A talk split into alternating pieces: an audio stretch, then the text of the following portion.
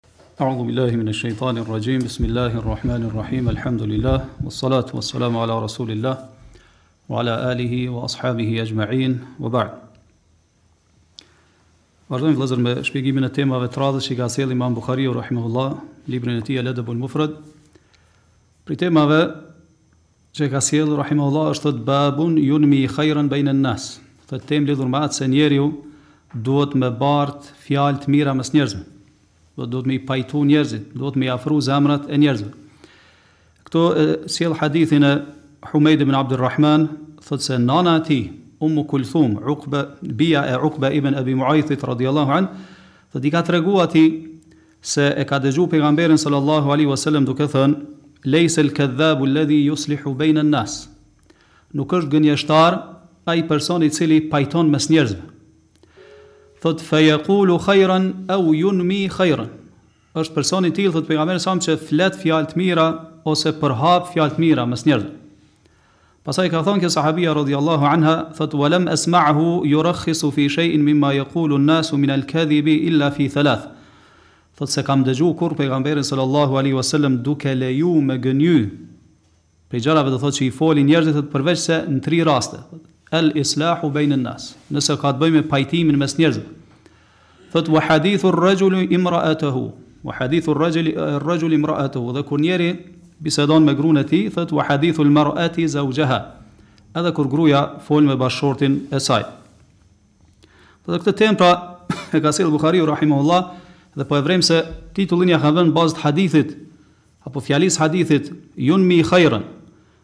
Pra temë lidhur me atë se njeri duhet me kanë, do të thotë faktor pozitiv në shoqëri, jo faktor shkatërrues, i cili i prish zemrat mes muslimanëve. Do të thotë edhe nëse gjen diçka fjalë të këqija nuk i përhap. Filani ka fol keq për ty kështu, mirëpo duhet me kanë faktor pozitiv, me i afru sa më shumë zemrat e njerëzve. Për atë arsye po thotë junmi khajran bejnen nas, ka thënë vetë. Do thotë me përhap fjalë të mira, me mbjell mirësi, me zhvillu mirësi në mesin e njerëzve. Dhe qëllimi është pra, vëllazër, kur muslimani i përhap fjalët mes njerëzve, mirëpo ç'është qëllimi i tij? Nuk është qëllimi me i prish njerëzit. Qëllimi është që do me i përmirësu raportet mes njerëzve. Me i afru zemrat, me i largu armiqësitë edhe urrejtjet që janë mes zemrave të muslimanëve. E pa dyshim që ky njeri vëllazër edhe nëse përhap fjalë mes njerëzve, këtë mënyrë, atëherë ky është person që lavdërohet për këtë veprim që e bën, po se qëllimi i tij është i mirë. Po Hazreti Buhariu rahimehullah na ka sjellë këtë temë me na tregu vlerën e kësaj pune. Këtij veprimi madhështor, do nëse njeriu e bën për hir të Allahut subhanahu wa taala, dhe se me këtë cilësi ai meriton lavdat, edhe meriton do të thotë falënderim. Pastaj po thotë junmi khajran, pra përhap fjalë të mira mes njerëzve, i afron zemrat e njerëzve, i përmirëson raportet mes njerëzve.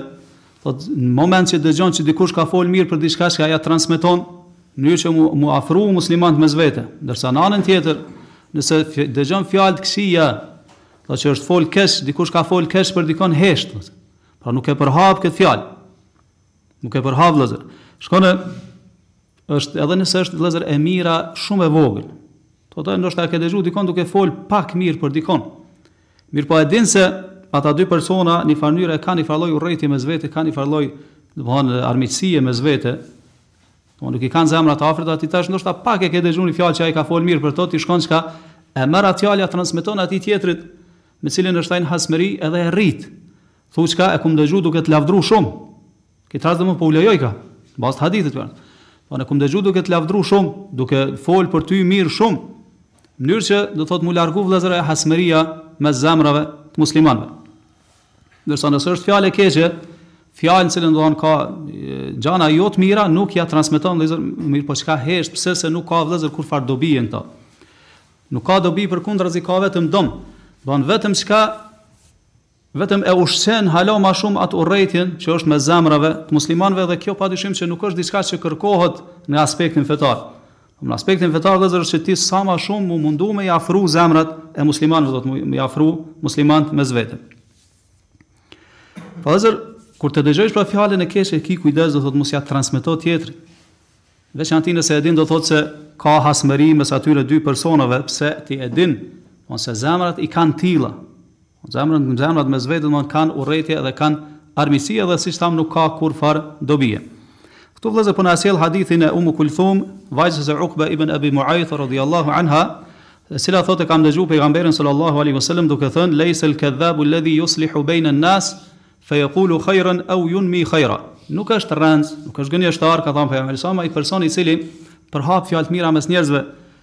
Edhe flet mirë, do të thotë edhe përmirëson mes njerëzve, flet mirë edhe përhap fjalë të mira mes njerëzve. Pse vëllezër nuk është rrenc ky njeri? Sepse qëllimi i tij është i mirë. Po qëllimi i tij, ai fokusi i tij është që ai me i afru njerëzit mes vete. Edhe jo me i largu. Pra është person që e don vëllazër afrimin, vëllazërin mes muslimanëve edhe përpjeket me çdo kusht që me i afru zemrat mes muslimanëve. Andaj ky person nuk është gënjeshtrar sipas hadithit të pejgamberit sallallahu alaihi wasallam. Shkon vëllezër, edhe nëse siç thamë dëgjon një fjalë shumë pak ti ja transmeton si diçka shumë të madhe që ai e ka lavdru tepër. Apo ndoshta, në bazë të hadithit, e kuptojmë edhe këta që ndoshta ai s'ka folë hiç mirë për tjetrin. Mirëpo ti në këtë rast lejohet me gënjy. Ndoshta ai veç e ka përmen me gjlisa tjetër, me cilin ka hasmëri. Mirëpo ti nuk shkon me i thanë që të ka përmen Se edhe me i thanë atij që kanë hasmëri me veti të ka përmend menjëherë shkon menja mos e ka përmend për keq mirëpo ti çka i thu të ka përmend për mirë të ka lavdru çka shumë edhe ka thanë që je burrë i mirë e kështu me radhë se qëllimi është do thotë që ti me i përmirësu ata e ky njeri pra nuk qenka gënjeshtar e Allahu e di më së miri siç thotë Allahu wallahu ya'lamu al-musliha al-mufsida min al-muslih Allahu e di më së miri se kush është ai i cili bën ngatrresa dhe trazira mes njerëzve edhe kush është ai i cili bën përmirësime mes njerëzve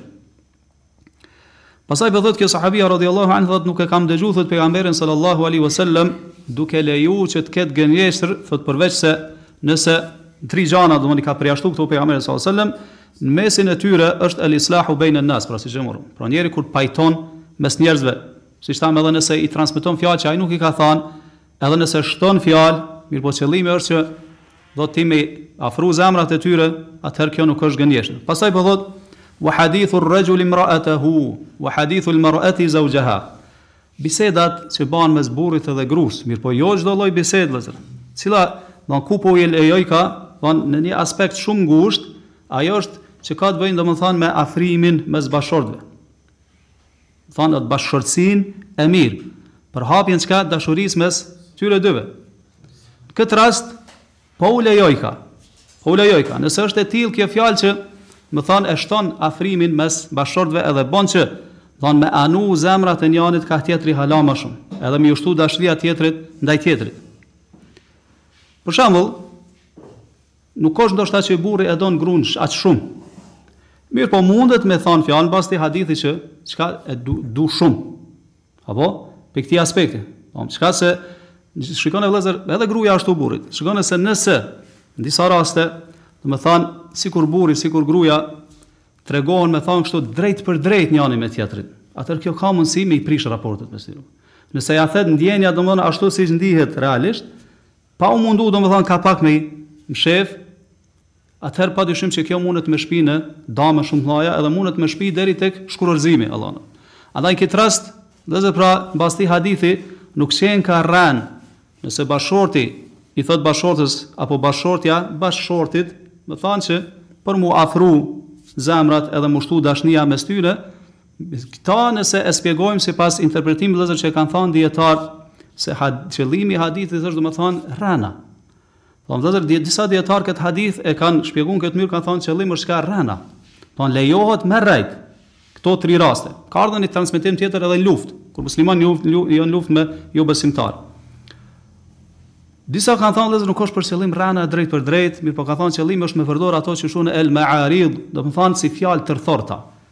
Domethonë, jo me rrejt n'mënyrë kështu, domethonë, n'mënyrë drejtpërdrejt, mirëpo me përdor fjalë alternative, domethonë fjalë tërthorta.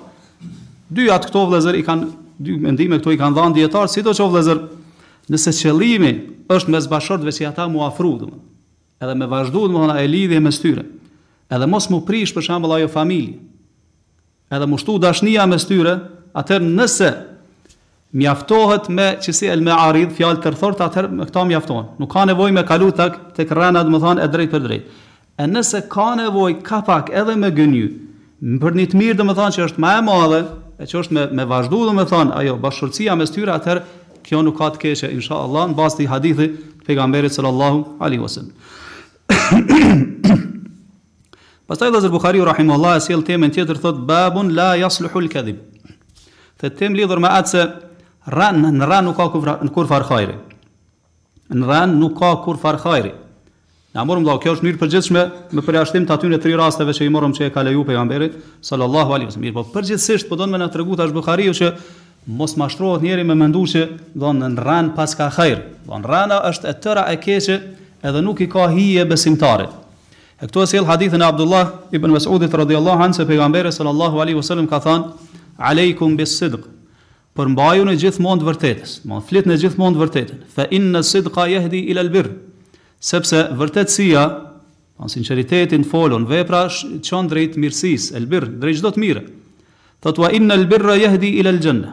Ndërsa çka el birr thotë udhzon drejt xhenetit.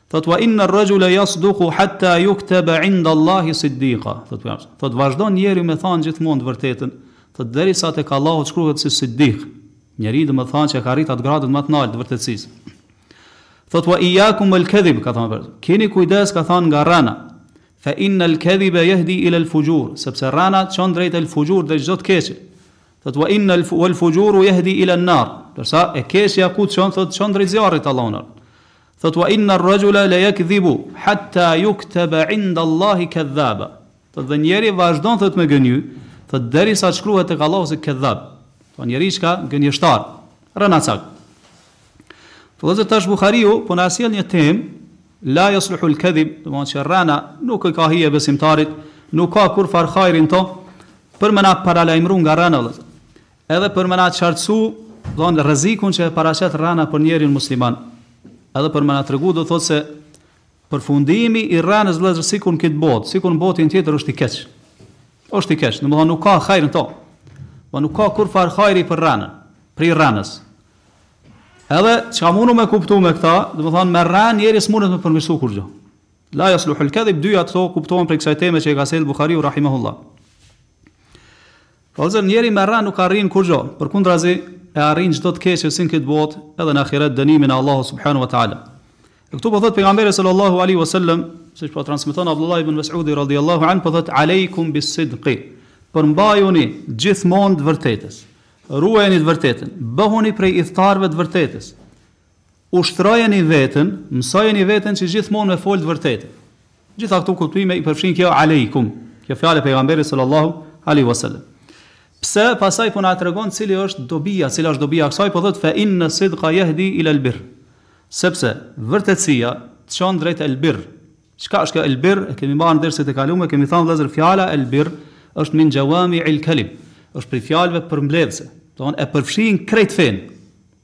E përfshin krejt fenë, me gjitha bazat e fesë edhe me gjitha degët e saj.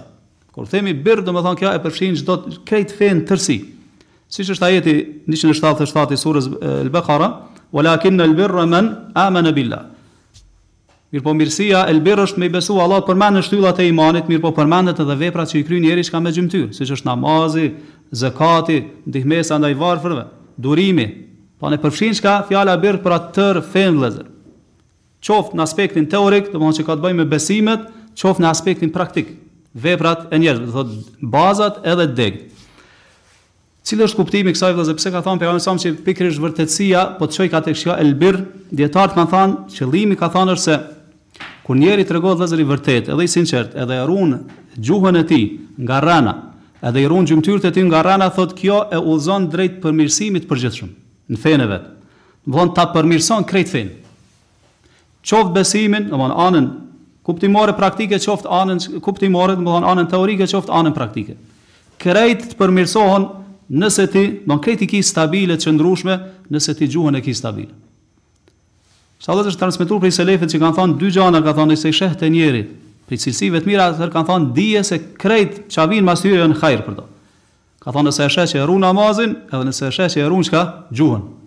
Atëherë dije që gjendja e këtij njeri nëse i sheh që çdo dy dy çdo dy elemente po i run, krejt tjerat i ka mirë, me lejen e Allahut subhanahu wa taala.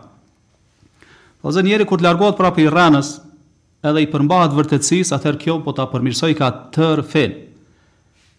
Në anën tjetër ça na jep me kuptuar vëllezër kjo na jep me kuptuar rrezikun e gjuhës. Po çfarë rreziku paraqet gjuha për njeriun?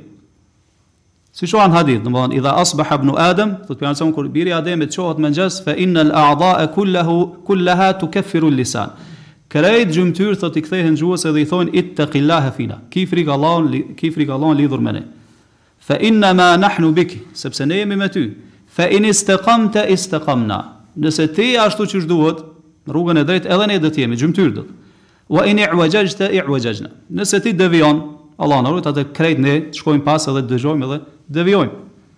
Pra kjo na jep me kuptu se siç thuhet në hadithe të tjera, domthonë kur zemra edhe gjuha e njerit janë ashtu siç duhet, atëherë edhe gjymtyrët kanë me kanë të tilla, e nëse prishet gjuha, Allahu na ruajt dhe gjëja që më shumë ty po e prishka gjuhën qenka çka rrena.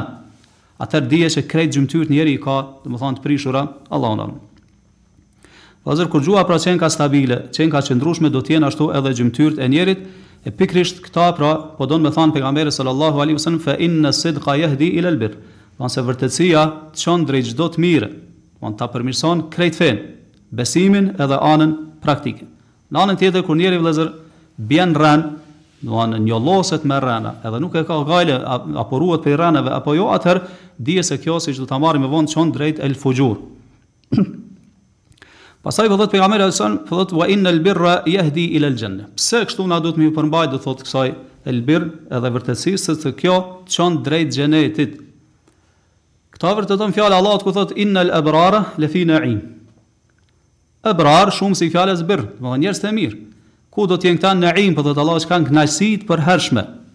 Kënaqësi të përhershme. Atëherë përderisa i paskan këto karakteristika këta njerëz, atëherë përfundimi i tyre qenka xheneti. Sa dijetarë vëllezër kanë thënë prej këtu e kemi kanë thënë një aludim prej kësaj fjale të pejgamberit sallallahu alajhi wasallam, këtu thotë po aludon kjo fjalë se përfundimi i njerit të tillë patjetër ka me kanë çka xheneti. Domthon Allahu ka me ia mundsu që kur është njeri i tillë që e run gjuhën e vet, edhe gjymtyrët e veta nga rrena, përfundimi i tij kur del nga kjo botë me kanë i mirë.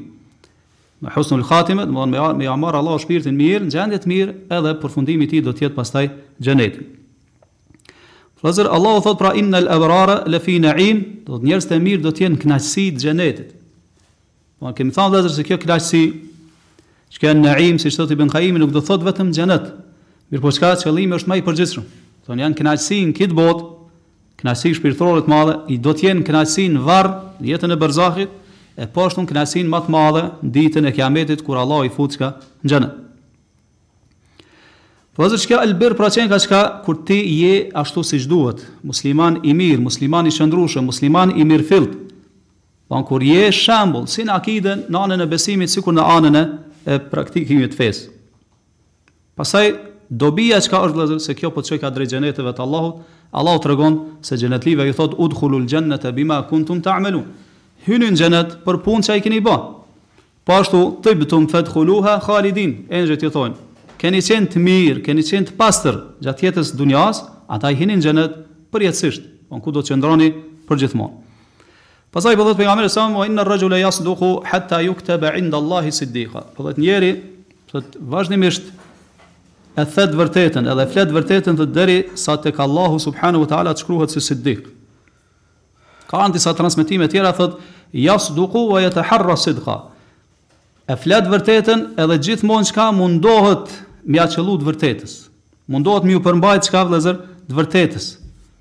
Përpjeket që kurrë domethënë mos me kanë i tillë që bën lëshim sa i përket çka të vërtetës. Siç transmeton ky verzioni që kjo shtesa është tek Sahihu i Muslimit rahimahullah. Do të vëllezër dijetarët kanë thënë këtu na jep me kuptu se sa e rëndësishme është që njeri domethënë, jo gjithmonë me folë vërtetën, mirëpo çka edhe me e mundu vetën, me e luftu vetën, që gjithmonë me ju përmbajt çka të vërtetës, edhe mos me lëshu pe n'këtë drejtim, edhe me ushtru vetën, domethënë edhe nëse ai nefsi që të urdhon për kësë, Mundohet edhe nxitësi me ba vshime ti nuk e dëgjon. Mirëpo e detyron veten e ushtron veten që gjithmonë me kanë si me pas sidq, me pas vërtetësi edhe sinqeritet. Po thotë pastaj pejgamberi alayhis salam wa iyyakum wal kadhib. Iyyakum wal kadhib. Kjo është uslub tahdhir, në arabisht i thonë ki kujdes, ruju. Kujdes, domethënë. Kujdes nga rrana.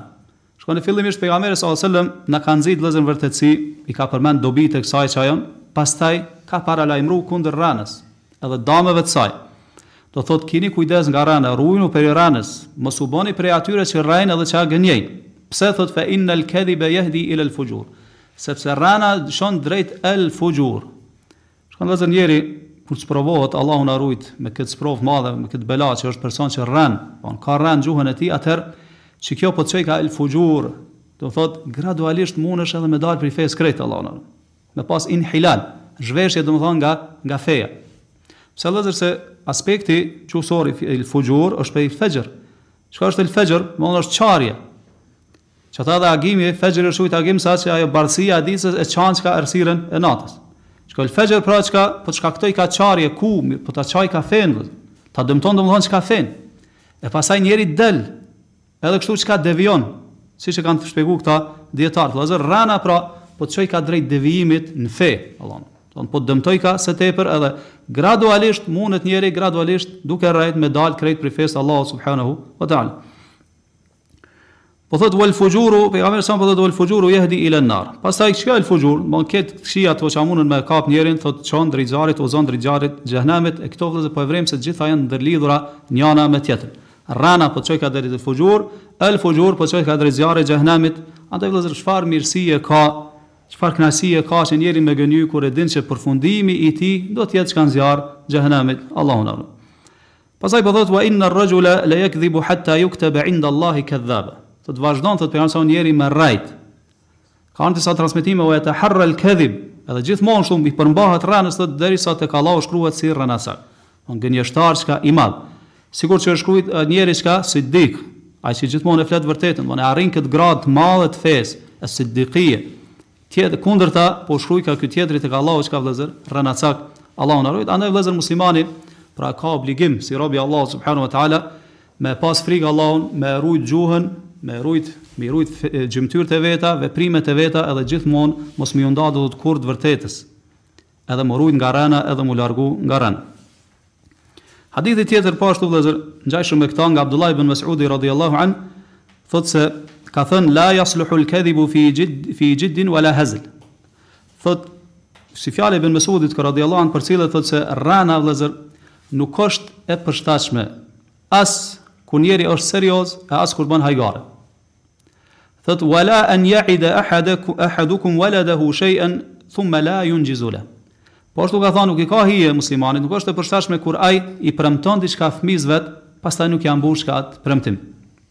Pra ky është një ather madhështor prej Ibn Mes'udit, radhiyallahu an, E, po tregon se nuk i ka hije do thotë besimtarit, me kanë i cilësu me këtë karakteristikë, me këtë moral, e që është me rrejt vëllezër, qoftë kur është serioz, qoftë kur është për me ba hajgare.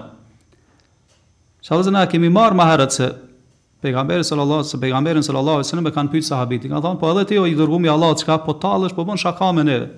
Çka ka thënë? Ka thënë na'am walakin la aqulu illa haqqan. Ka thënë po mirë, po unë edhe në tallet e mia, shakat e mia e foli gjithmonë çka të vërtetën. Po ashtu ka thënë pejgamberi sa tri herë wailun lehu wailun lehu wailun leh. Mjer për të, mjer për të, mjer për të. Për kon ka thënë alladhi yakdhibu li yudhhika an-nas. Ai i cili rran për me i ba tjerët çka me qesh. Domethënë ka ardhur kërcënim i ashpër prej pejgamberit sallallahu alaihi wasallam. Pra vëllezër rrena pra nuk po u lejojka në asnjë rrethanë. Qoftë kur njeri e ka seriozisht, qoftë kur njeri e ka për hajgare. Domethënë disa njerëz e kemi vërejt gënjejnë Për me i ba shoqninë çka me qesh. Apo dikush gënjen për me e pikllu ndoshta dikun, me i fut mërzi. Apo ndoshta gënjen për me e tut dikun. Po. Por gjitha këto janë t'ndalume në fenë tonë dhe janë prej harameve dhe nuk lejohet se la yasluh po thot, nuk është vëllazër çka, nuk është diçka që sjell dobi vëllazër. Nuk ka kurfar hajri n'to. Pa marrë parasysh me çfarë forme njeri mundohet me e masku atë rrenën e vet. Pastaj vëllezër këtu Ibn Mesudi na ka dhënë një vërejtje shumë të hollë e ka thënë wala an ya'ida ahadukum waladahu shay'an thumma la yunjizu la. Po ashtu ka thënë nuk është nuk është mirë për besimtarin, nuk është nuk i ka hije besimtarit që me i premtu diçka fëmis vet e pastaj mos me ia përmbush ata që ja ka premtu. A ndodh kjo tek prindërit ndodh me të madhe vëllezër. Ndodh me të madhe, sidomos n'shoqërinë tonë. Për shembull, baba ose nëna kur don me afru fëmin ngat vet, Qoftë me e kap, me e nxanë, me e ndëshku, apo çka, ndoshta edhe me e lujt me të, ose me e puth, çka, e rren. Thotë, hajde se kom me t'dhanë çka, diçka. Edhe ndoshta e bën dorën, kinse është çka, ka diçka në dorë. Apo ndoshta e fut dorën në xhep. Edhe i thotë fëmijës çka, hajde. Edhe fëmija mashtrohet, vjen, pastaj çka ai e kap. Edhe kjo vëllezër nuk lejohet. Nuk lejohet. Ka ardhur hadith pikërisht për këtë. Pse nuk lejo vëllezër cila është urtësia në këta se ai fëmija kur të vjen tek ti ai me atë pafajësinë e tij fëmijërore ai të beson ty si i madh edhe kur e sheh që ti po e rren domethënë çfarë shembulli i jep ti atij domethënë ai qysh i vogël po mësohet çka me mashtrim edhe po mësohet me rren edhe kjo e dëmton shumë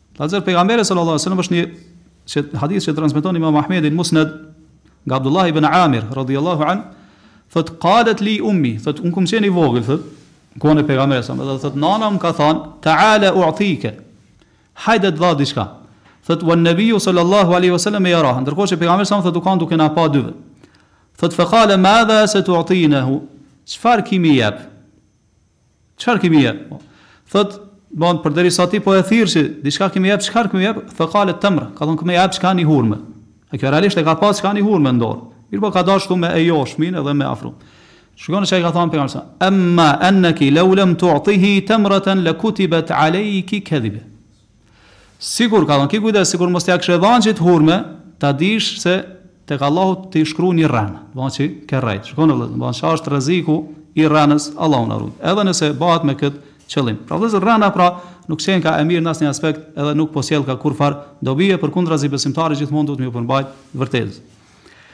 Pastaj vëllezër këtu Buhariu rahimehullah kalon një temë tjetër që ka të bëjë me durimin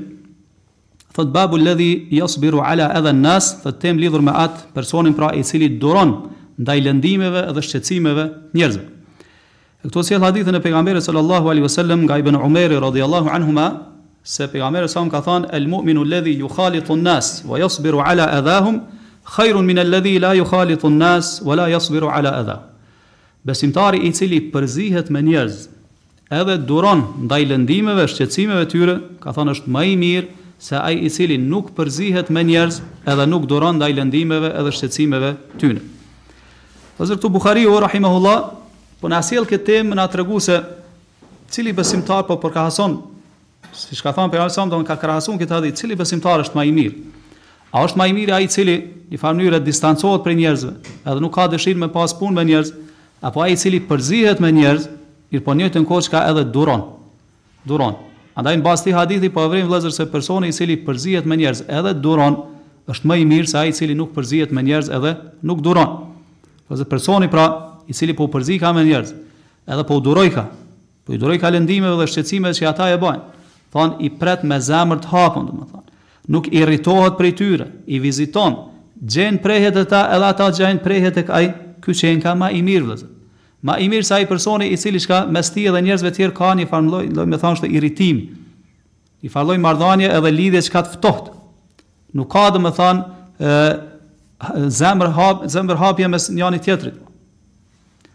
Vëllezër, Shumë njerëz ndodh që dikush e lëndon me diçka apo e shqetëson me diçka, edhe ky shqetësim bëhet shkak se ai në mënyrë çka mu izolu prej njerëzve të tjerë.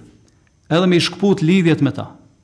E kështu nuk qenka besimtari vëllezër i mirë i mirëfillt. Siç po tregon pejgamberi sa që më i mirë është ai i cili çka duron. Duron edhe përzihet me njerëz.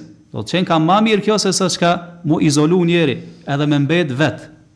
Me mbet vet, domthon mos me i duru ato lëndimet edhe shqetësimet e njerëzve. Mirëpo vëllezër, këtu duhet me tërhek vërejtjen, një pikë që e kanë përmend dijetarët, nëse, nëse gjendja e njerëzve vëllezër arrin në atë pikë sa, domthon prishet krejt shoqëria, prishet krejt shoqëria, edhe devijojnë krejt shoqëria, edhe njeri tutet për fenë e vet, tutet nga fitnet, tutet domthon se feja e tij do t'i prishet, Atëherë, nëse izolohet prej njerëzve, duke u tut për fenë e vet, për me rujt fenë e vet, kjo është tjetër çashtje, domthonë. Kjo është tjetër send, domthonë nuk ka të bëjë me hadithin që po flet këtu pejgamberi sallallahu alejhi, se këtu veç po krahason vëllezër, në kushte normale do thotë. Pa ardhur kjo gjë e jashtëzakonshme. Mirë. Pazë pra izolohet prej njerëzve në rast që atë rastin e specifik, mirëpo me kusht që, siç thamë, m'u tut njeri për fenë e vet, Edhe me kan i sigurt që nuk i lënë domethënë çka obligime te Allahu subhanu wa ta'ala. Domthonë prezenton xhematet e muslimanëve, i kryen obligimet, siç është për shembull xhumaja, namazi me xhemat, namazet e bajramit. Po ashtu nuk ju hin çka në hak njerëzve. Domthonë i jep çka drejtat njerëzve, edhe pse nuk shoqërohet me ta, domthonë i jep drejtat, siç është mbajtja e lidhjeve e kështu me radhë. Mirë, gjithmonë thamë vëllezër nëse ka për qëllim me rujt fenë. Mirëpo vëllezër, a realisht këtë kohë, a duhet njeri me ndërmarrë një hap të tillë, apo jo, pa dyshim që jo. Pse vëllezër se e mira ende është prezente. Po. Në çdo shoqëri ka mirësi. Gjithkun ka njerëz të devotshëm, ka njerëz të hajrit, ka njerëz domethënë muslimanë të mirë. Andaj nuk duhet me e marrë njeri këtë hap, domthonë edhe mu izolu çka prej njerëzve, sepse kjo e dëmton njerin vëllezër. Aq më tepër kur njeriu çka nuk ka dije për fenë e Allahut subhanahu wa taala. E kjo pastaj bëhet shkak që ai mu dobësu domthonë në fenë e vet. Edhe gradualisht kjo mundet me ka mundet me kanë hapi shejtanit, që ai çka me deviju pastaj prej tërësisht prej rrugës të Allahut subhanahu wa taala. Zakonisht vëllezër, edhe pse shoqëria domethënë siç thashë është e tillë që ka në to hajër, ka mirësi, mirëpo prapë vrejmë se disa njerëz izolohen, ndoshta edhe prej vëllezërve që janë domethënë të kapur për fesë të Allahut subhanahu wa taala. Pse ndodh kjo prej personave të tillë vëllezër? Ndodh për shkak të personalitetit të dobët. E ka personalitetin e dobët, domethënë pëson një farë lloj disfate të brendshme. I ndodh naj qëndrim me dikon, edhe tash merr qëndrim çka për krejt. Krejt i përfshin me atë qëndrimin e vet thotë krejt duhet mu izolu çka prej krejtve mos me nejt çka me kërkon ndoshta dikush e ka mashtru me diçka apo domethën nuk nuk i ka dal në fjalë me diçka ky tash çka merr vendim çka për krejt edhe izolohet çka prej krejtve pastaj jo vet mirëpo i thirr edhe njerz tjer çka me u izolu edhe me ju bashkangjit atina pa dyshim vëllezër që ky është gabim i madh ky është gabim në këtë nuk thret hadithi i pejgamberit sallallahu alaihi wasallam Se pejgamberi salam ka thënë men kale halakan nas fa huwa ahlakuhum. Ai që thotë janë prish njerëzit, ai është më i prishuri. Ose ka thënë fa huwa ahlakahum. Është ai që i ka prish ata. Po dy transmetime që janë transmetuar prej pejgamberit sallallahu alaihi wasallam. Pra çka kuptojmë prej kësaj njeri duhet vëllezër mu përzi me njerëz, Domethënë me pas raporte të mira me njerëz, edhe duhet me ditë se nuk mundesh me pështu, siç do ta marrim në hadithin e radhës, nuk mundesh me pështu prej lëndimeve dhe shqetësimeve. Është e pamundshme. Është e pamundshme. Andaj duhet me përgatitë veten, se jeta është e tillë. Nuk mundesh pa pas çka fërkime me njerëz, është e pamundshme. Andaj, përzihesh me njerëz, duron, se e din që domethënë pa të lëndu dikush është e pamundshme. Kështu që i këshillon, urdhëron për të mirë, ndalon nga e keqja edhe kështu çka është rezultati i kësaj, bën bashkë vëllezër mes shumë mirësive. Mes dyerve të shumta të mirësisë domethënë. Edhe përzihesh me njerëz, edhe i këshillon, edhe ki shpërblim të madh te Allahu subhanahu wa taala për shkak durimit që e ke. Pastaj vëllazër Buhariu thotë babu sabri ala al adha. Fillimisht e përmeni temën lidhur me personin i cili duron, domethënë përzihet me njerëz dhe duron, këtu po thotë as sabru ala al adha, se ne duhet të tregohemi të durueshëm. Po don me na tregu vëllazër se s'ka ikje nga belat, nga sprovat, nga fërkimet me njerëz, Andaj po thotë ti si musliman duhet me duru, durimi ndaj lëndimeve. Shiko edhe çfarë hadithi ka pru këtu nga Abu Musa al-Ash'ari,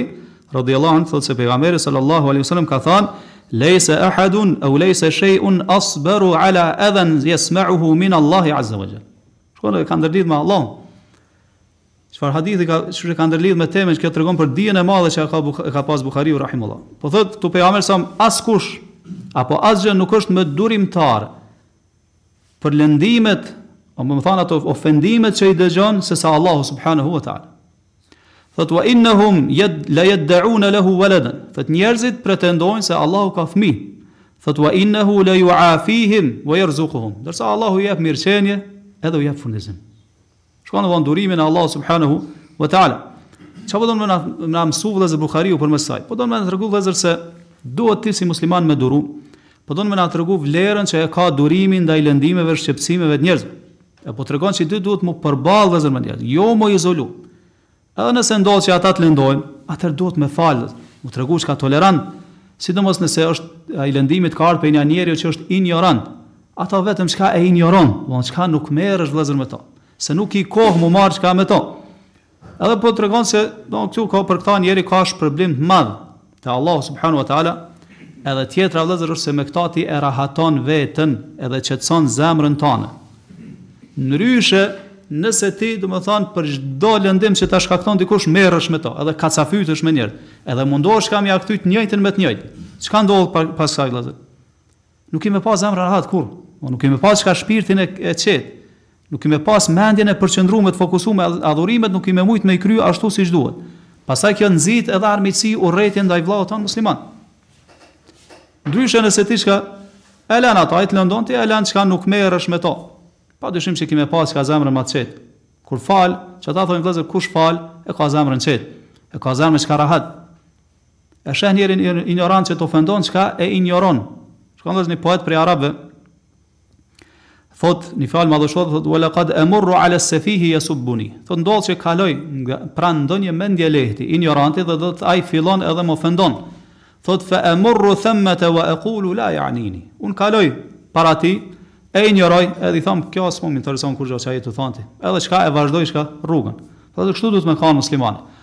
Allahu thotë, Wa a'rid 'an il-jahilin.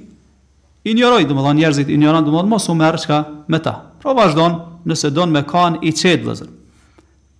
Kjo e para, domethënë, po, je vetë shpirtërisht vëllazër si ti duhet me rujt zemrën tane, duhet me rujt shpirtin tan. Zemra është shumë delikate, domethënë. Çdo gjë që e, i hedh në to çka vëllazër ndikon në to. Ta prish domethënë atë rahatin shpirtërore, ta prish qetësinë, e ti si musliman nuk ki vakt vëllazër mu marr me këto gjëra po. Me ul veten në gjëra të tilla. Edhe në njëjtën kohë pshton vëllazër, pshton prej lëndimeve shtesë atyne njerëzve dhe prej armiqësive domethënë. Nëse ti ja kthen domethënë me të keqe, ai njeri që është që e ka gojën e ndytë, ai ta kthen edhe me 100 tjera po. Domethënë ty t'shtohet hala më shumë domethënë çka ai shqetësimi tani, se ti nuk mundesh mu shty me to. Nuk mundesh se ai njeri që ashtu që është çka e ka fjalorin e ndytë, domethënë. Edhe i ka gjestet e ndyta. Edhe tjetra vëllazër shpëton që mos me i hap dyrt e shejtanit. Dhe. Po i mbyll dyrt e shejtanit edhe kalon. Shiko vëllazër Buhariu po thot babu sabri ala al-adha, tema po thot lidhur me durimin që duhet ta kemi ndaj lëndimeve të njerëzve. Do thot vlera që është e kësaj vëllazër edhe po na tregon se nuk ki kah ik vëllazër pe lëndimeve të njerëzve. Kta po don më na thon Buhariu. Askush nuk shpëton nga lëndimet, ofendimet e njerëzve. Çka ka thanë njani prej poetëve ka thanë nuk munesh me pështu edhe nëse shkon izolohesh kah maje të malit njerëz kanë me me gjet rrugë edhe kanë me të lëndu edhe kanë me të ofendu po pse ka sjell këtë hadith lidhur me Allahun subhanahu wa taala çka është ndërlidhja po don me tregu shikone as Allahu çka edhe Allahun do të thonë kanë ofendu njerëzit subhanallahu krijuesin ai i cili ju ka dhënë çka çdo të mirë Përderisa do thot as Allahu i far mënyre nuk do të e kanë ofenduar edhe Allahun subhanahu wa taala atëherë si është puna vëllazër me neve. Po njerëzit pa dyshim që nuk mundën me shpëtu nga ofendimet edhe nga shqetësimet. Kan thënë se Allahu ka fëmijë, kan thënë se Allahu çka është lodh nga krijimi i qiellit dhe tokës. Ka thënë yadullahi maghlule, hebrejt, dora e Allahut është e shtrënguar, Allahu na ruaj. Ofendime të shumta vëllazër. Mirëpo prapë Allahu subhanahu wa taala siç po thotë në hadith pejgamberi sa çka i jep mirëqenie, edhe çka i furnizon. Po ashtu shikon edhe ngjarje vëllezër historitë e pejgamberëve. Njerëz ma të mirë që ka ec mbi sipërfaqen e tokës janë lëndu, janë shqetësu, janë ofendu. Thot pejgamberi sa ma min nebijin illa udhi, nuk ka pejgamber i cili nuk është lëndu, nuk është ofendu. Krejt. Po ashtu e vrejmë nëse i lexojmë do ngjarjet e sahabive, njerëzve të tjerë të mirë, pastaj lëndimi, shqetësimi, do të është një gjë që është sikur nxehtit edhe ftohtit, a ki kah ik, nuk ki kah ik. Është e pamundshme domethënë. Patjetër se ka me të prek, andaj njeri duhet me duru. E ka obligim pra vëllazër njeri musliman me e mësu veten që me duru. Aq më tepër nëse Ky lëndim ndodh për shkak se ti je në rrugë të Allahut subhanu teala. Kjo duhet me kanë shtesë hala me të shtyt që ti me duru hala ma shumë. Po nëse je person i cili e sheh dikon duke e ba një haram edhe ja kujton Allahun subhanu wa taala, domthonë e thret drejt Allahut subhanu wa taala, ja kujton, domthonë nëse e sheh që ka lënë ai farz të Allahut, domthonë e këshillon. Mirëpo ai çka ta kthen me të keq, t'ofendon ndoshta me fjalë, apo ndoshta edhe me me gjymtyrë, ti duhet me duru vëllez. Duhet me duru, edhe gjithë këta e bën wasbir wa ma sabruke illa billah. Duro domethënë me duru çka për hir të Allahut subhanehu wa ta'ala. Në mënyrë që me arrit shpërblimin e Allahut subhanehu wa ta'ala në këtë botë edhe në botën tjetër, mirëpo kush është ai vëllezër që i jepet sukses drejt kësaj? Padyshim që janë të paktë ata njerëz.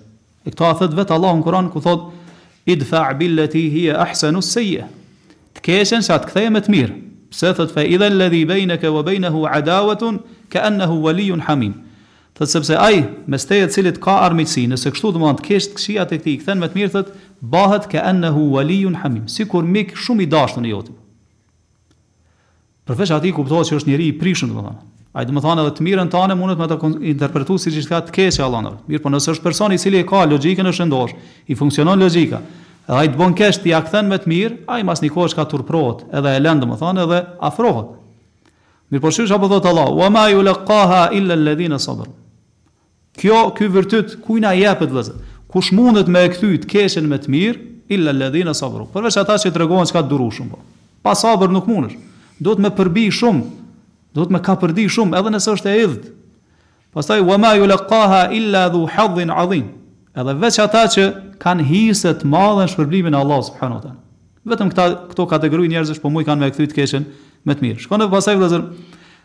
Në ajetin e radhës Allahu po urdhëron pejgamberin sa edhe neve që me kërku mbrojtje që Allahu me trujt prej atyne cytjeve të shejtanit.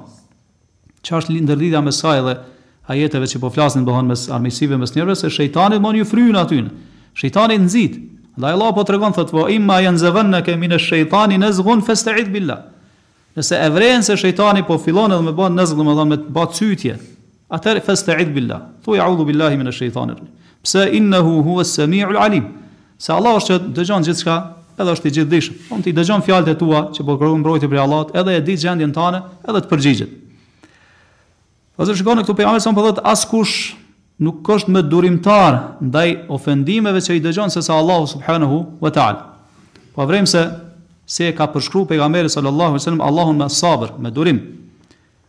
Domethënë Allahu është sabur, domethënë është çka shumë durimtar. Domethënë durim, duron ndaj shqetësim, ndaj ofendimeve që ja bajnë çka njerëzit. Thotë, Wa innahum la yad'una lehu waladan, thotë njerëzit thotë pretendojnë se Allahu ka fëmijë, thotë, Wa innahu la yu'afihim wa yarzuquhum, mirëpo Allahu thotë ju jep mirëqenie edhe i furnizon. Ju jep mirëqenie në trupat e tyne, ju jep shëndet, ju jep çka pasuri, ju jep ushqim, ju jep pije, ju jep fëmijë, ju jep qetësi, ju jep familje. Kjo ndodh, ka ndodhur prej fillimit të kohës edhe vazhdon me ndodh. Vrejmë njerëz domethënë që janë në kufrin e skajshëm. Ndoshta edhe e mohon ekzistimin e Allahut subhanahu wa taala. Mirëpo e vrejmë se Allahu jep. I jep çka edhe furnizon. Pse se Allahu vëllezër është çka sabur, është çka shumë durimtar.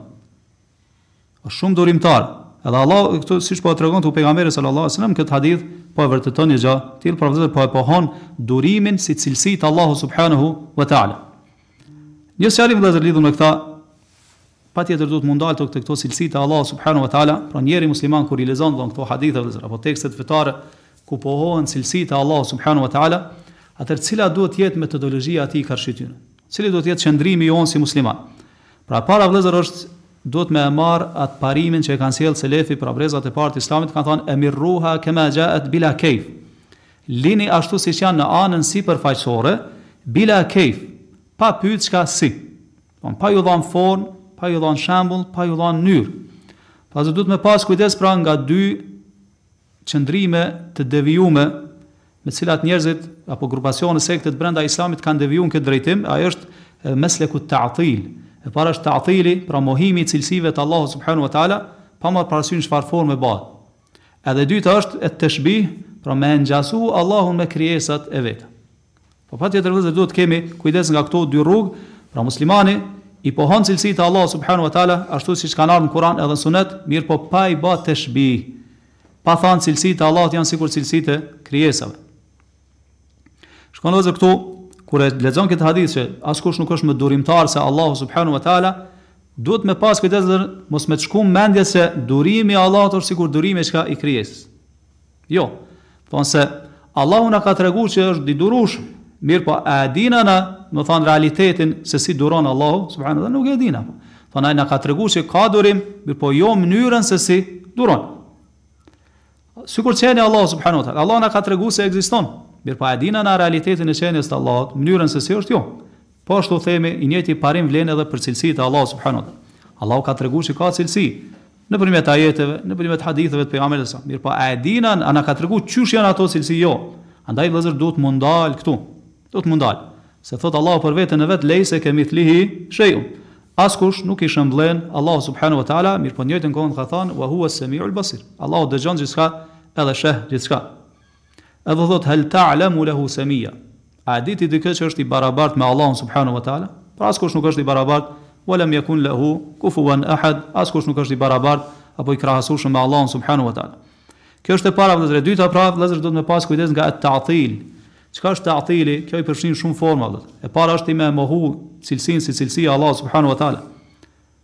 Me mohu që Allahu ka cilësi. E dyta është kur ti i bën ta'wil që quhet te, domethënë në zhargonin e të mëvonshmëve, nuk është ai ta'wili që u kanë te selefi, mirëpo ky ta'wil domethënë çka keq interpretim.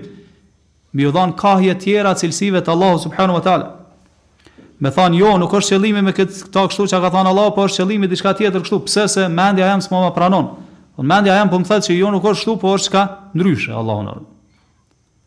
Edhe kjo është ta'til, edhe kjo është mohim i cilësisë vëllazër. Edhe pse ai pretendon se po e pohon cilësinë, se ti i ke dhënë kuptim tjetër nga ai që ka dashur me thënë Allahu subhanahu wa taala.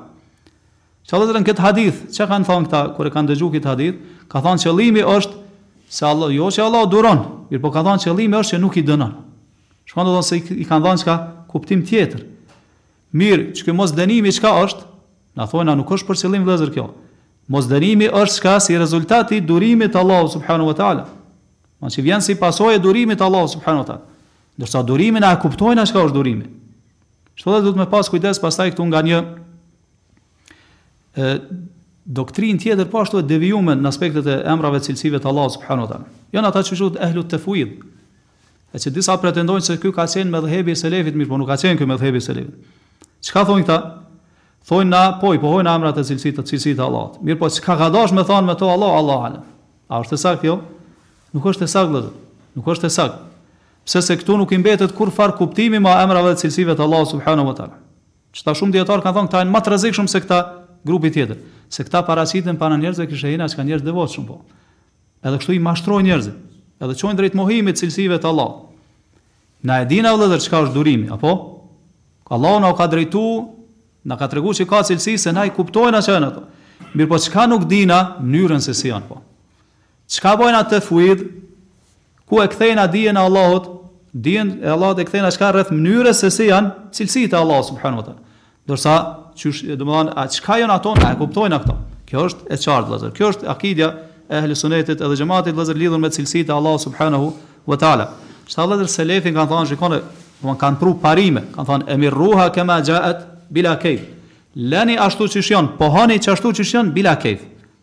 Pa ju dhanë, pa pyet si, pa ju dhanë formë, pa ju dhanë shembull e kështu me radhë.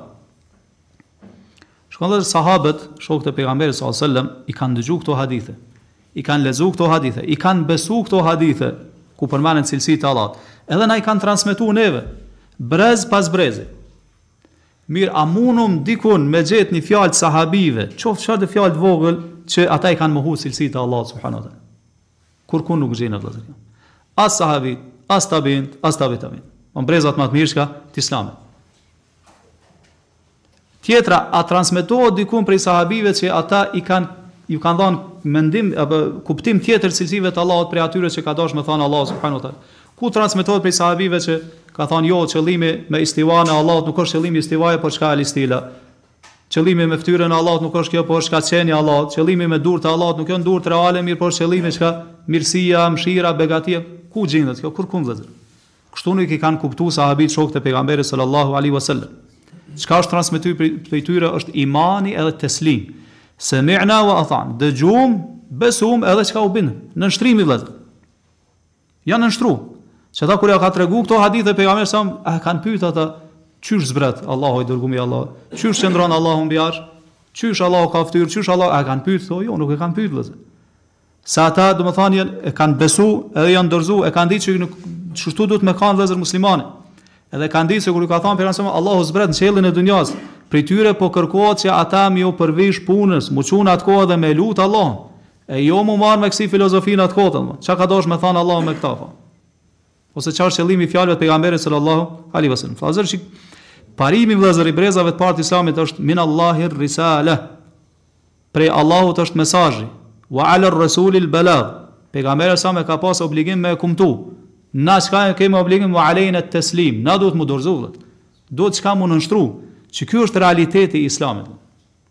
Istislam, do dorëzim i tërësishëm ndaj teksteve fetare. Çka është realiteti i ubudijes, nënshtrimi ndaj Allahut subhanahu wa taala. Kjo është vëllazër rruga e selefit, mirëpo, kur kanë filluar vëllazër m'u përkthy librat e filozofive të ndryshme, edhe janë përkthy në gjuhën arabe, edhe kanë hi, domethënë n'mesin e muslimanëve, atëherë kanë ndodhur këto devijime vëllazër. Edhe janë hap shkolla filozofike me me do të thonë me drejtime të kundërta me mësimet e pejgamberit sallallahu alejhi wasallam, jo vetëm n'këtë aspekt në aspektin e akides por edhe në aspekte të ndryshme edhe rezultati është siç e dhe shihni do të thonë janë mohu cilësitë e Allahut, janë keqinterpretu cilësitë e Allahut, janë shtrembru cilësitë e Allahut e kështu me radhë.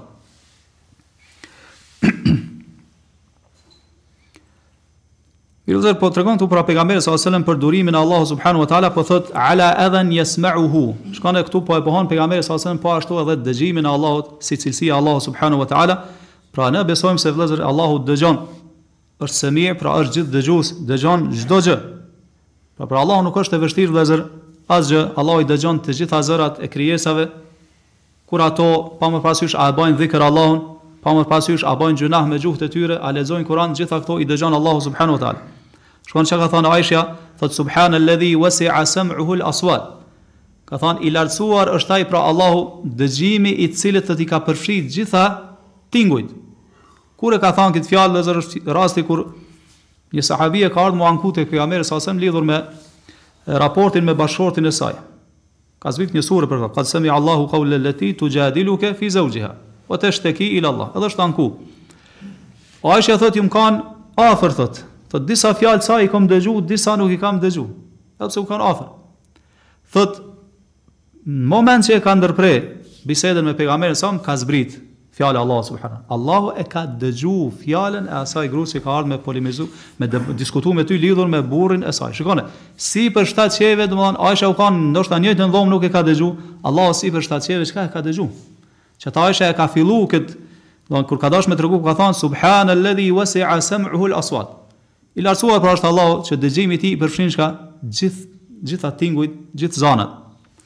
Shiko dijetarët e bijnë një shembull shumë interesant thojnë nëse njerzit prej Ademit alejhi selam e deri në kijamet të ishin ba bashkë të gjithë njerzit edhe kishin qëndru në një vend edhe secili kish fillu me fol vëzër në të njëjtin çast edhe me e lut Allahun subhanu wa taala edhe me kërku prej Allahu subhanu wa taala edhe secili me fol me gjuhën e vet gjithë kish me i dëgju Allahu subhanu wa taala Edhe nuk i ngatrohet çka zani prej zanit tjetër, apo gjuha prej gjuhës tjetër, apo nevoja që ia parashtron dikush prej nevojës çka tjetër.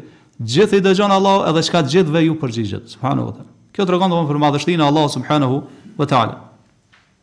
Mirë, cila është ana edukative vëllezër që na e përfitojmë prej kësaj kur beson ti si musliman se Allahu po dëgjojka gjithçka, Padyshim vëllazër që kjo të shtyn që ti me e rujt gjuhën vëllazër, me e përmirësu gjuhën tane, me e rujt gjuhën tane, dhe me dëgju Allahu prej teje vetëm gjana që e kënaqin Allahun subhanehu ve teala. Mirë pastaj vëllazër po ashtu hadith me këta po e përfundojmë hadithi tjetër po ashtu që ka të bëjë me durimin që duhet ta kemi ndaj lëndimeve të njerëzve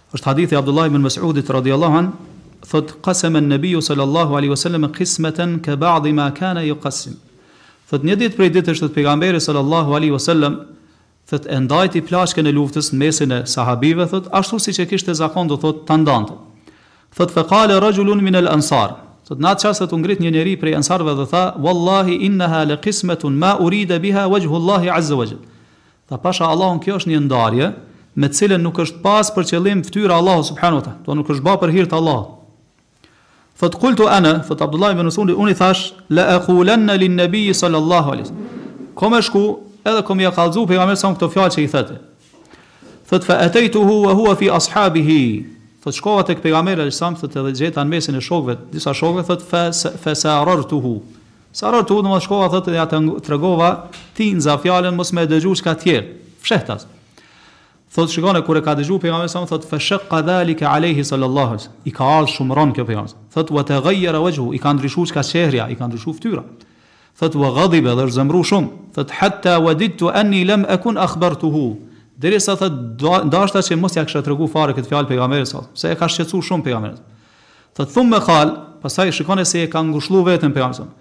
Kad udhie Musa bi ekthar min zalike fe saber. Thotë Musai alejhi selam ka thënë pejgamberi sa është shqetësu, është lëndu, është ofendu me më shumë se kjo që jam lëndu unë, mirëpo a ka duru për hir të Allahut subhanahu wa taala. Vëllezër, hadithi i parë që i ka Ebu Musës el Eshari po tregon për durimin e Allahu subhanahu wa taala ndaj ofendimeve. Hadithi i dytë, shikoni si ka bë bashk Buhariu, po tregon për durimin e kujna pejgamberit alayhis salam edhe pejgamberëve para tij si Musa alayhis salam domethënë ndaj lëndimeve dhe shqetësimeve të njerëzve. Çfarë na jep me kuptu vëllazër kjo? Na jep me kuptu që ti si musliman pra duhet me kanë i durushëm. Edhe nëse domethënë me durimin ton dëshiron mu afru te Allahu subhanahu wa taala edhe me shpresu shpërblim te Allahu subhanahu wa taala. Edhe po na tregon se durimi vëllezër është cilësi e karakter i njerëzve të plot, domethënë që kanë arrit atë perfeksionimin, robët e mirëfillt evlijave të Allahu subhanahu wa taala, siç janë pejgamberët e Allahut. Po siç e lexum na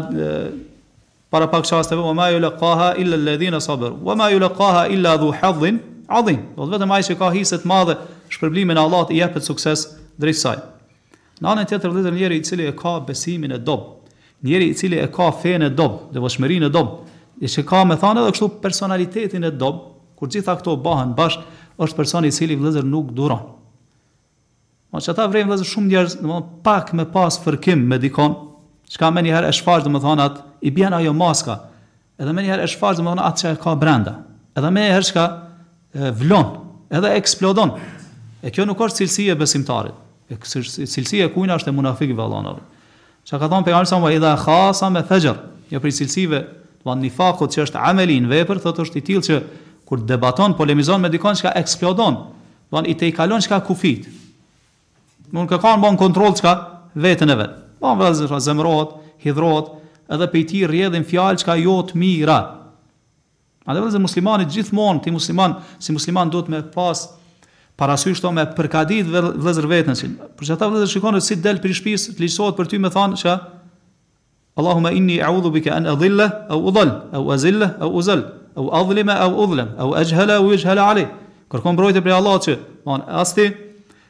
Mos me mos me devijue as ty mos me deviju çka dikush. Ti mos me i bë padrejtësi dikujna, as dikush mos me të bë padrejtësi ty. Pse vëllazër, ja kujton vetes që ti domethënë tash po del prej shtëpisë, edhe ki me pas punë me lloj-lloj njeri. Ki me pas punë me injorant, ki me pas punë me njeri domethënë që është i pafytyrë, që është i ulët në gjuhën e tij, në sjelljet e tij, kështu që duhet çka me duru vëllazër. Duhet me përgatit veten që për me duru. Siç thamë, me i injoru injorantët, m'u largu prej tyne edhe mos m'iu kushtu vëmendje se siç thamë nëse s'vepron kështu atëherë ki me pas shpirtin e shqetësum, ki me kanë ankth, ki me kanë siklet, edhe adhurimet që i kryjmë për Allahut nuk për Allahun nuk i ki me kry ashtu siç duhet. Vëllezër, sabri padyshim se është pozitë e lartë në fenë tonë, domthon ka pozitë lartë edhe gëzon pozitë të lartë, edhe siç e dini domthon sabri ndahet tri lloje, është sabri në bindje ndaj Allahut subhanahu wa taala. Pra njeri duhet m'u tregu këmbgulës edhe durimtar me në bindje ndaj Allahut. Se edhe kryerja e veprave të mira ka nevojë për sabër. Po ashtu sabri vëllezër edhe ndaj gjynaheve. Çfarë do të thotë kjo? Do të thotë duhet me duru vëllezër mos me i bë haram Allahu subhanahu teala. Se haramet janë shumë, domethënë që që shejtani e josh edhe nefsi, e josh njerin drejt tyre. E pikërisht këtu shfaqet sa je ti i durueshëm. Apo i bindesh Allahut, apo po i bindesh çka shejtanit Allahun. Edhe e treta vëllezër sabri ndaj kadereve caktimeve të Allahut subhanu wa taala kur Allah cakton naj bela naj fatkeqësi për ty e cila domethënë çka është e idhët është shtir me e përbije me e kapërdi mirëpo edhe këtu patjetër duhet m'u dorëzu vëllezër edhe m'u pajtu me caktimin e Allahut subhanahu wa taala po vëllezër njeri për patjetër paska m'u lëndu andaj feja po na mëson edhe po na nxit që na m'u tregu durushëm e jo me ba gjeste të pahijshme m'u hidhru me eksplodu edhe do thot me me hi n'armiqësi edhe në kacafyte në kacafytje me njerzit e tjerë nëse dëshiron me këtë me arrit shpërblimin e Allahut subhanehu ue teala në këtë botë edhe në botën tjetër na e dim vëllezër se pejgamberi sallallahu alejhi wasallam prej momentit kur e ka marr misionin me përhap fenë e Allahut në tokë është përball me lloj lloj domon lëndime dhe shqetësime Vazhdimisht domethënë, qoftë prej mushrikëve, qoftë prej hebrenjve, qoftë domethënë prej munafikëve, gjithmonë ka pas çka, lëndime dhe ofendime prej tyre. Saqë domethënë e kanë ofendu çka edhe nderin e tij. Domethënë e kanë e kanë ofendu gruan e tij se ka ba zina, shikoni domethënë. E kanë ofendu do thotë e kanë edhe e kanë lëndu e kanë plagos. kanë shpif për to, se është çka i çmendun, është poet, është kështu, mirëpo gjitha këto i ka përballu vëllezër me durim. Madje dijetarët e sirës vëllezër thonë që e kanë ofendu hala me ma shumë pejgamberin, se sa që transmetohet, mirëpo thonë nuk e kanë transmetu sahabët çka në shenjë respekti ndaj pejgamberit sa çdo fjalë që e kanë thënë ata. Këtu vëllezër shikoni Buhariu po na sjell veç një shembull durimi të pejgamberit sallallahu alajhi wasallam. Se siç thamë jeta e tij u kanë e mushtë me sabër po. Këtu po e sjell kët rast që ka ndodhur që mas një lufte pejgamberi sallallahu alajhi wasallam ka filluar me nda plaçkën e luftës, domethënë përderisa ka qenë si udhëheqës i muslimanëve, edhe komandanti i ushtrisë. Mirëpo ka ardhur disa transmetime vëllezër që janë të sakta se pejgamberi sa disave ju ka jep më shumë se disave. Pse e ka ba këta? Thotë ka thanë, Innama ata'allafuhum. Ka thanë me këta disave po u jap ma shumë mënyrë që me ja forcu zemrat çka në Islam. Me ja afru çka ma shumë drejt Islamit.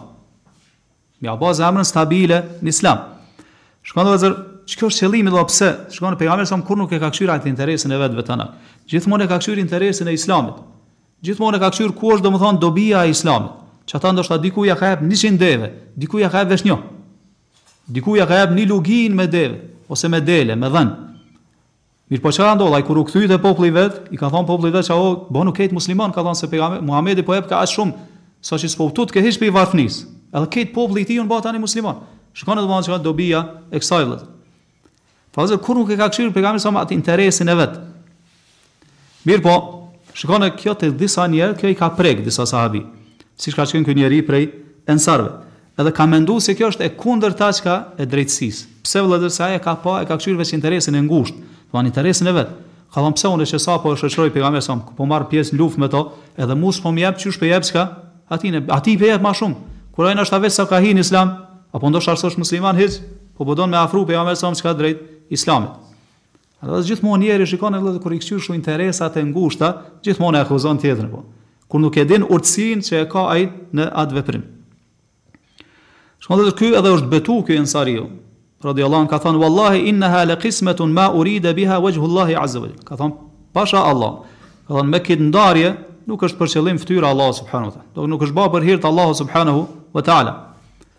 Për këna ka thënë këtë fjalë për pejgamberin sallallahu alaihi wasallam. Është një rast tjetër vëllazë i ngjashëm me këta kur ju nanë dy sahabi do thotë edhe ju nanë anku domethënë kanë pas ato bahçet e veta që ujitja i ka ardhur me ramje të lirë, pe malit, pe kodrës. Edhe tash secili ka pas ato kanalet e veta mënyrë që uji me ardh secilit në farë mënyrë mënyrë të barabartë ato arat që i kanë pas apo plantacionet me hurme. Tash i nanë kanë pas diçka mospajtim lidhur me ujin, i nanë ardh tek pejgamberi alejhi selam edhe pejgamberi selam ka gjyku në favor të njanit jo tjetrit. Çka ka thonë ky sahabija? En kane ibne ammik, a po gjykon për të në favor të tina se është kusheri i yti, i ka thonë pejgamberi selam. Shikoni pejgamberi selam me, me, me do të thotë çka ju ka i ka ndryshu çehra thotë është skuq domethënë. Mirëpo nuk nuk është hakmarrë kurrë për veten e vet. Shikoni kujna po i thotë ashtu pejgamberit sallallahu alaihi wasallam. Edhe në këtë rast vetë shkon. Shkon e për kon po thot domethënë për njërin njërin më të besueshëm në fytyrën e tokës, të cilit Allahu ja ka besuar çka kumtimin e shpalljes, po misionin e përhapjes çka të islamit.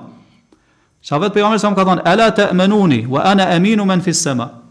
A nuk po më zini besë mu, ka thonë, kur më ka zanë besë mu, ai që është mbi qiell, Allahu subhanahu wa ta'ala,